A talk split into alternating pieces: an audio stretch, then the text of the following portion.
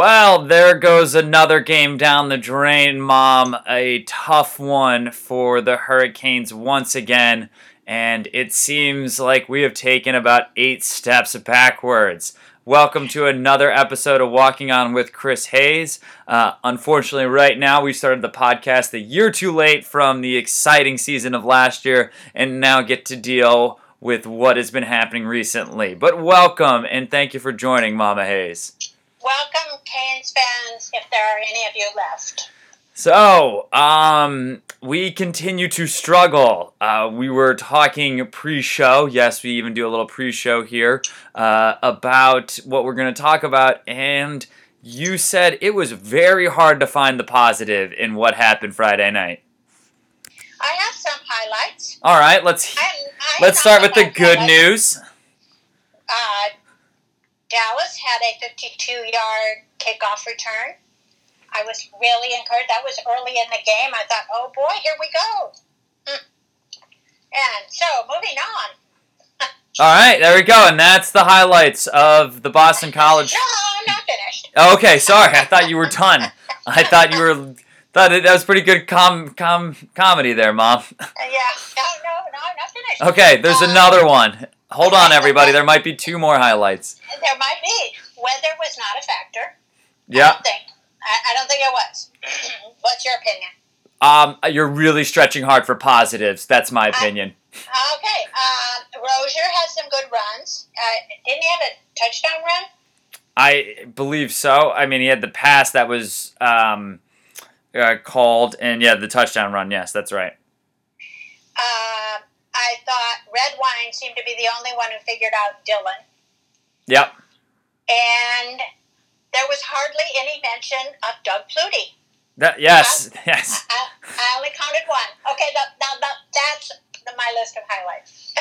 That's right. I was I was actually pretty impressed that they toned down the Doug flutiness uh, in this broadcast. So uh, that again, we are stretching for positives here when two of the positives uh, that we're really focusing on are uh, the weather didn't affect the team and there weren't Doug Flutie highlights.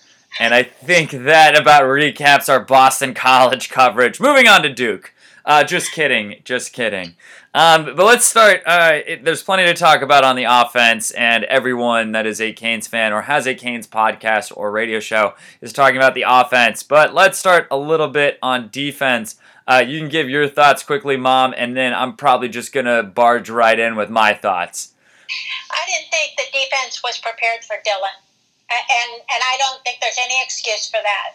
And uh, what had- I read, somebody was, oh darn, McLeod, McLeod it was was interviewed, and he said he they they were not surprised by Boston College def- offense.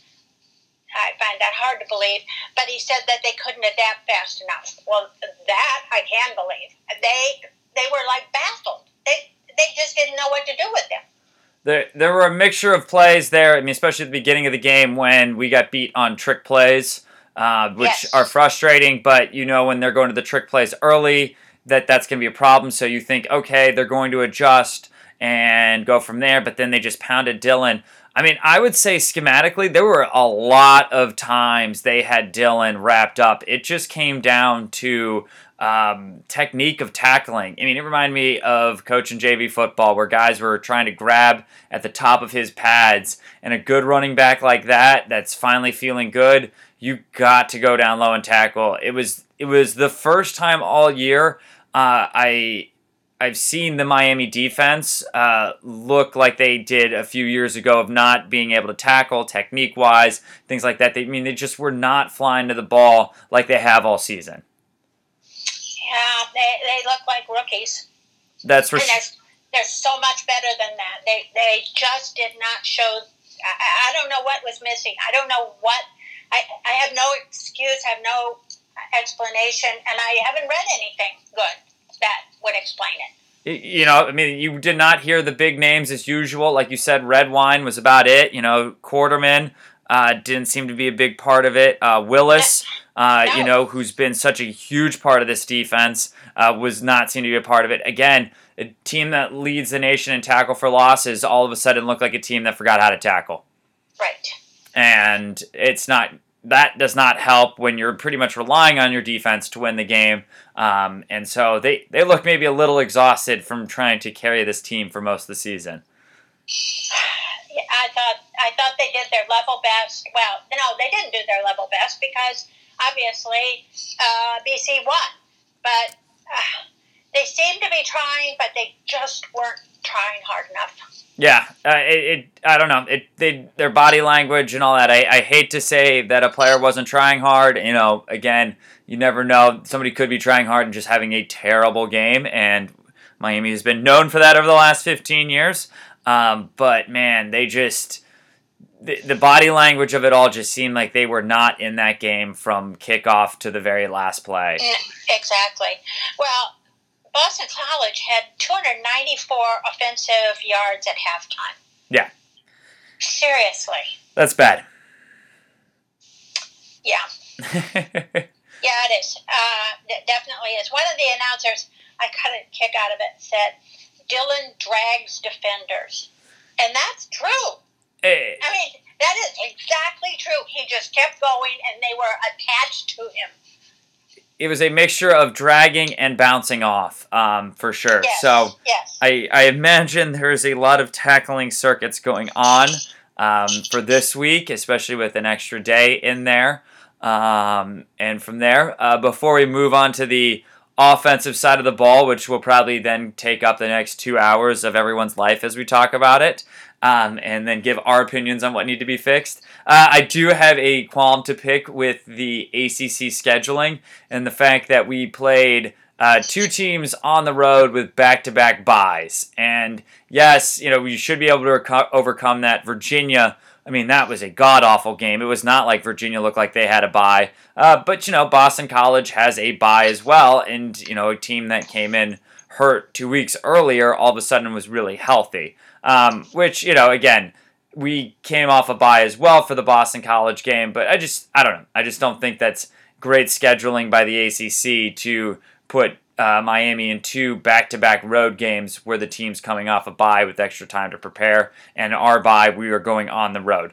But I move on. I got my gripes out of the way. Everyone hates us. They just want to see us lose. So there we go. oh, so it's so great to hear your um, unbiased opinion on that. Exactly. So just wanted to get it out there. Oh, Uh, okay, so, so if you're going to vent on that, I'm going to vent on the targeting call that wasn't. Ooh, that was awful. That was terrible. That, that um, uh, you know, it would, for us, how many times this season already? Two, three times it's been a targeting call for us when it's been in question? Hmm. Yeah, I was, I was a little stymied by that. That surprised me um, because even then, you know, it, it didn't look as they were talking about it. Looked that he wasn't trying to do it on purpose, but it's still he led with the crown of his helmet. It was contact to uh, the receiver's helmet. You know, again that that was similar to what Bandy got called on in the LSU game. Well, And- how many? Yeah, uh, how many targeting calls do you suppose are done? I mean, how how much? That's, I'm saying it wrong. How much targeting do you suppose is actually done on purpose when it's called? It, it's I don't know. I've never played football, but I have to think that in many cases the momentum is such that you can't stop it. In the first few years, I would say that it was a lot more on purpose just because that's how players played for so long.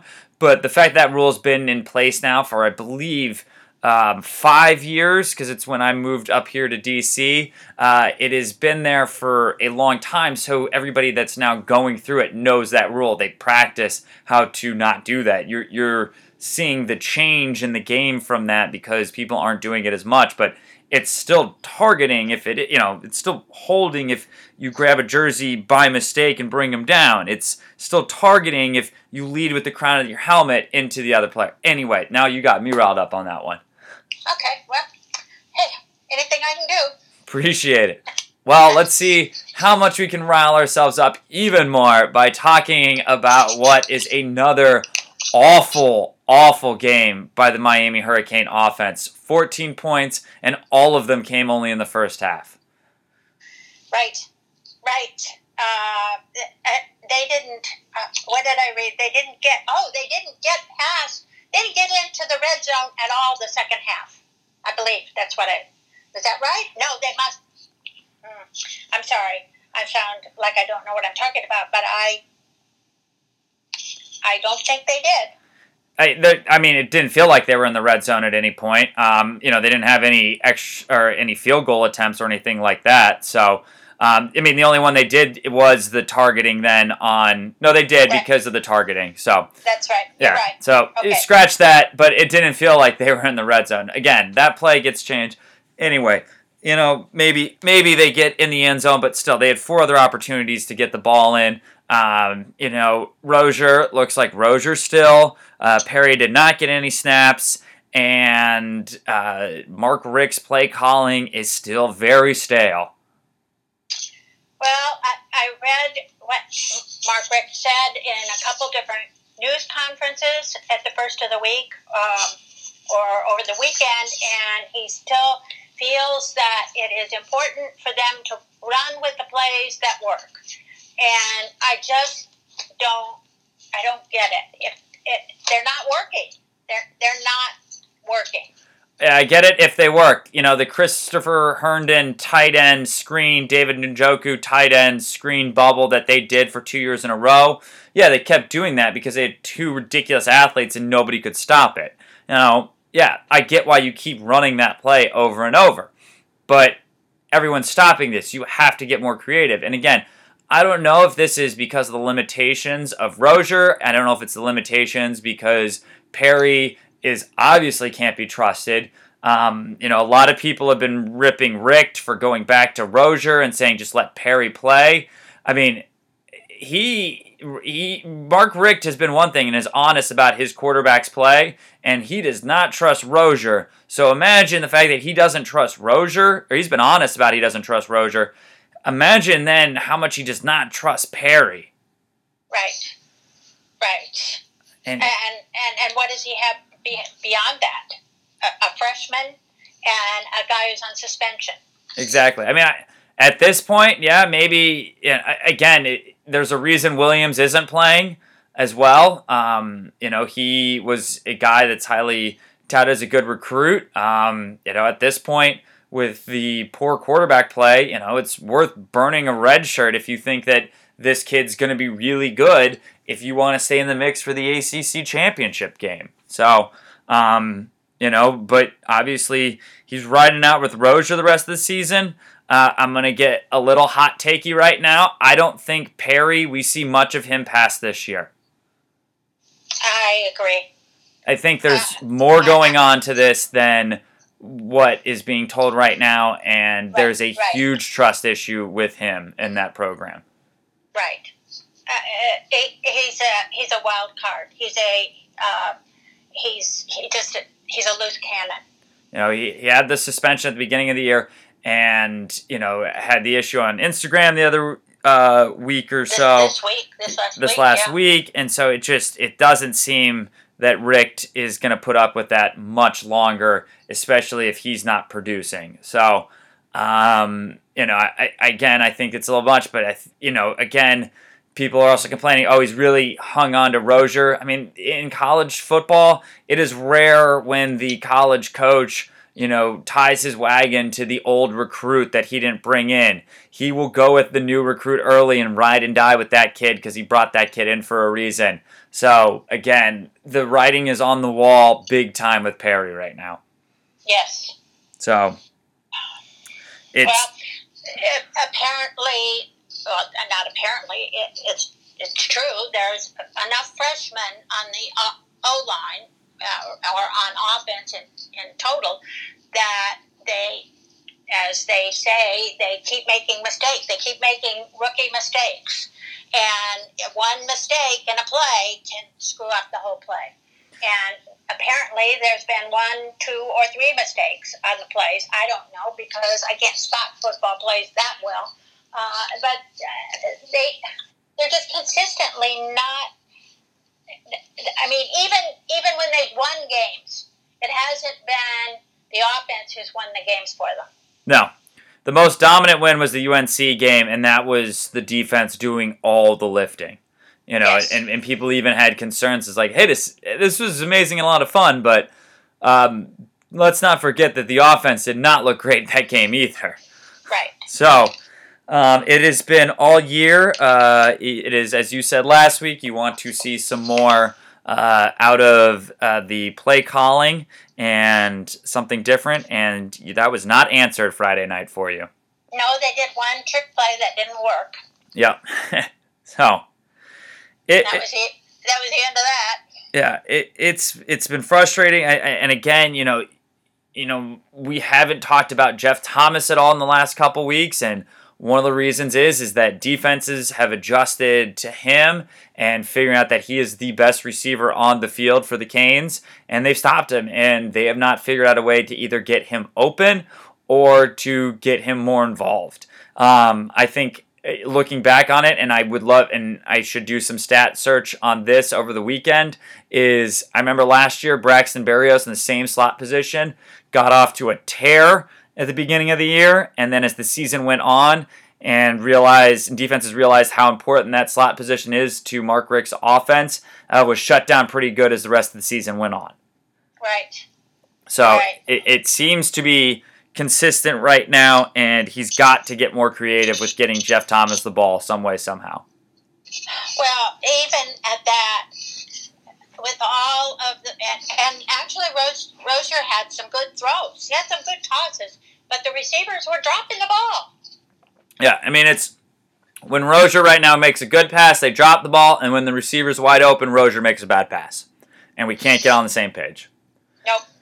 So, and then the offensive line right now is a mess, and, you know, we're going from there, and just, you know, the playmaker for the wide receivers outside of Jeff Thomas with Ahmmon Richards out, just, we're, we're still looking for that. And doggone it, we have the talent.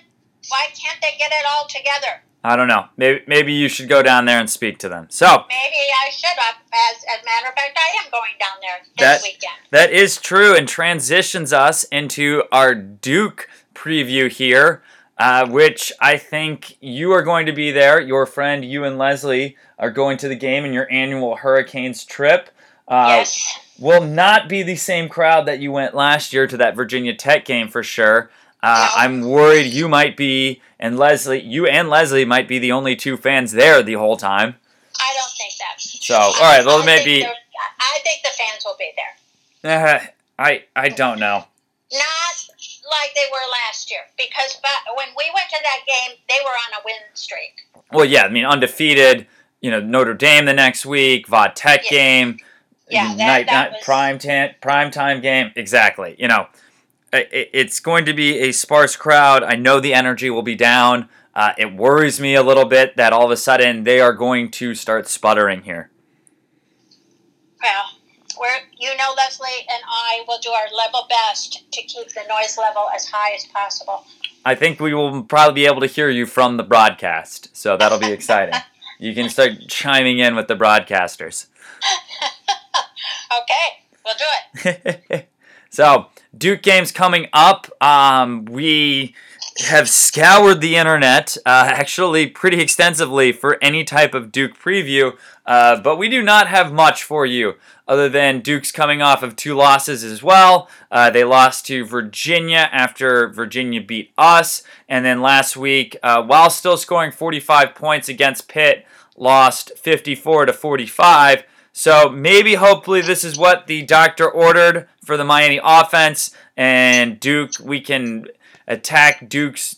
Uh, seems to not be a strong defense since they have let up a lot of points this year. But hey, Duke was strong at the beginning of the year, is off right now, and is the same way, desperate for a win. I'll tell you, if we lose to Duke, you might have to find somebody else to do the podcast with you next week. Hey, I, I might, we might be taking a week off together. So, Uh, a couple people for those that are still listening to look out for Daniel Jones, the Duke quarterback, always solid. Uh, played the last couple years for them. Uh, has thrown 13 touchdowns, four interceptions, uh, while not jumping off the page, obviously. Uh, at you stat wise is still a decent runner, and David Cutcliffe, as most people know, and being there at Duke for a long time, and Peyton Manning's uh, quarterback coach back in the day, uh, is is always good at game planning. Um, and so I'm, I'm hoping Manny Diaz is ready and adjust that defense. And they get after Duke like they did uh, um, like they did against UNC. I, I see the defense coming out and playing like they did against UNC. That that team takes a lot of that side of the ball takes a lot of pride uh, in what they do, and I imagine they are not very happy uh, about what they put on tape this past Friday night. Right. Um, and they kept, everybody who was interviewed kept saying, well, we're not finger pointing, we're not finger pointing, but I'll bet that defense, when they're, I'm assuming they all have a meeting together that does not include anybody from the offense, uh, that they are pumped and primed and pissed. yes, I, I imagine so. Uh, there were some of those meetings when I was there uh, my freshman year when the offense was doing a lot of the same uh, predictable play calling uh, that did have the offensive players involved as well. Um, so that was a great experience, and I imagine there's a walk on right now, and there's freshman year going, What did I get myself into? So. Walk on, if you're listening, I feel you. I understand what is happening. This is not what you expected when you made the team. We so, feel your pain.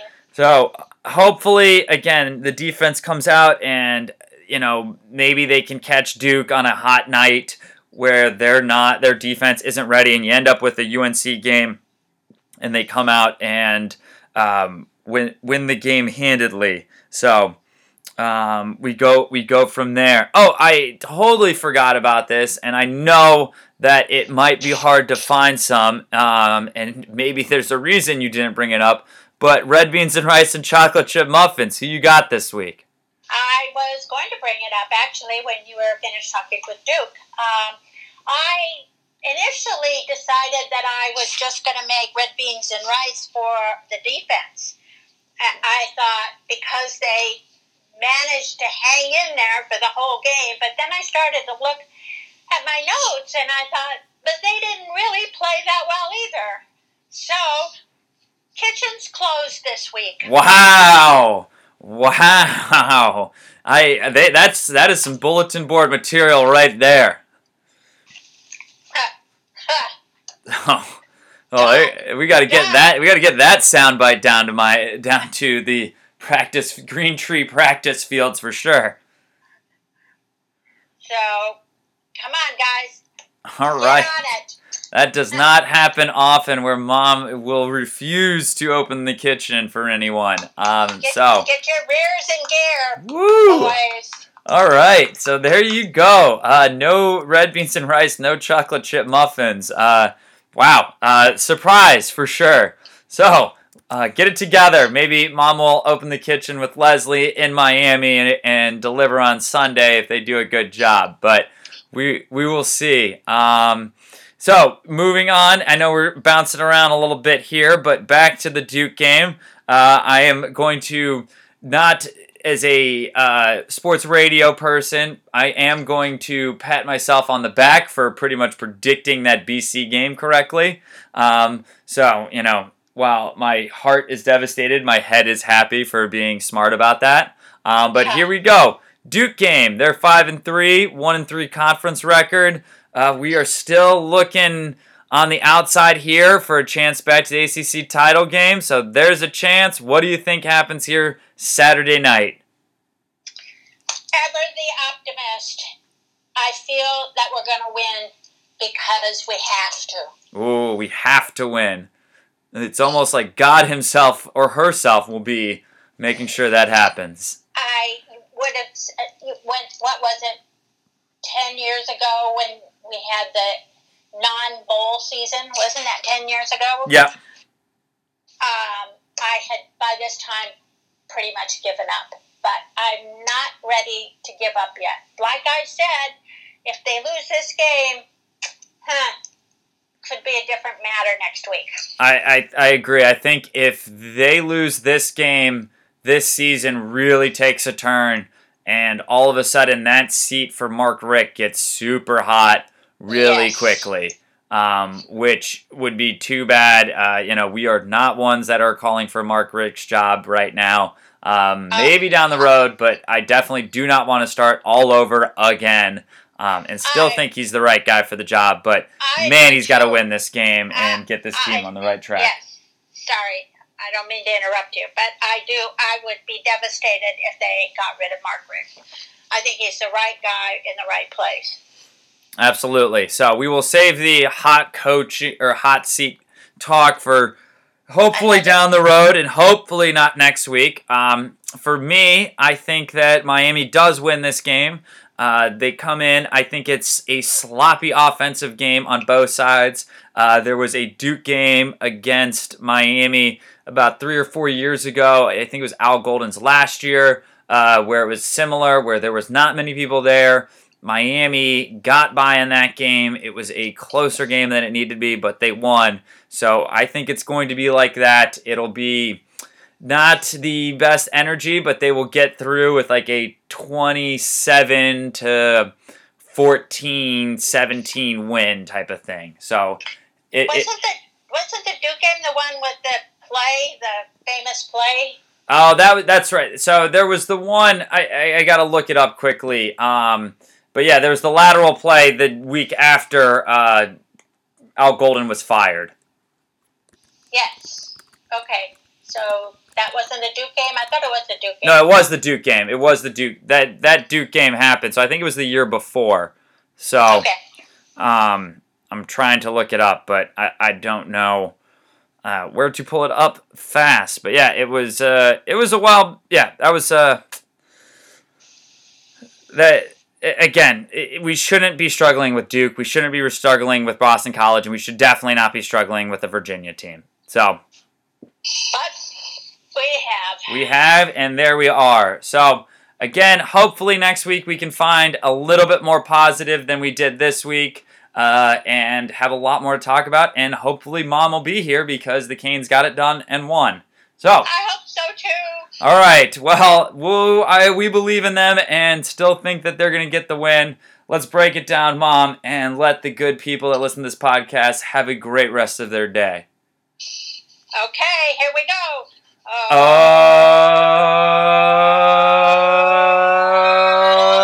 C A N E S Canes. Woo! Okay. All right, we have seemed to perfected that and on a good streak. So hopefully the Canes get their stuff together this weekend. All right, that is it for another episode of Walking On with Chris Hayes. We always appreciate you being here. Have a great weekend, and as always, go Canes! Go Canes! Woo!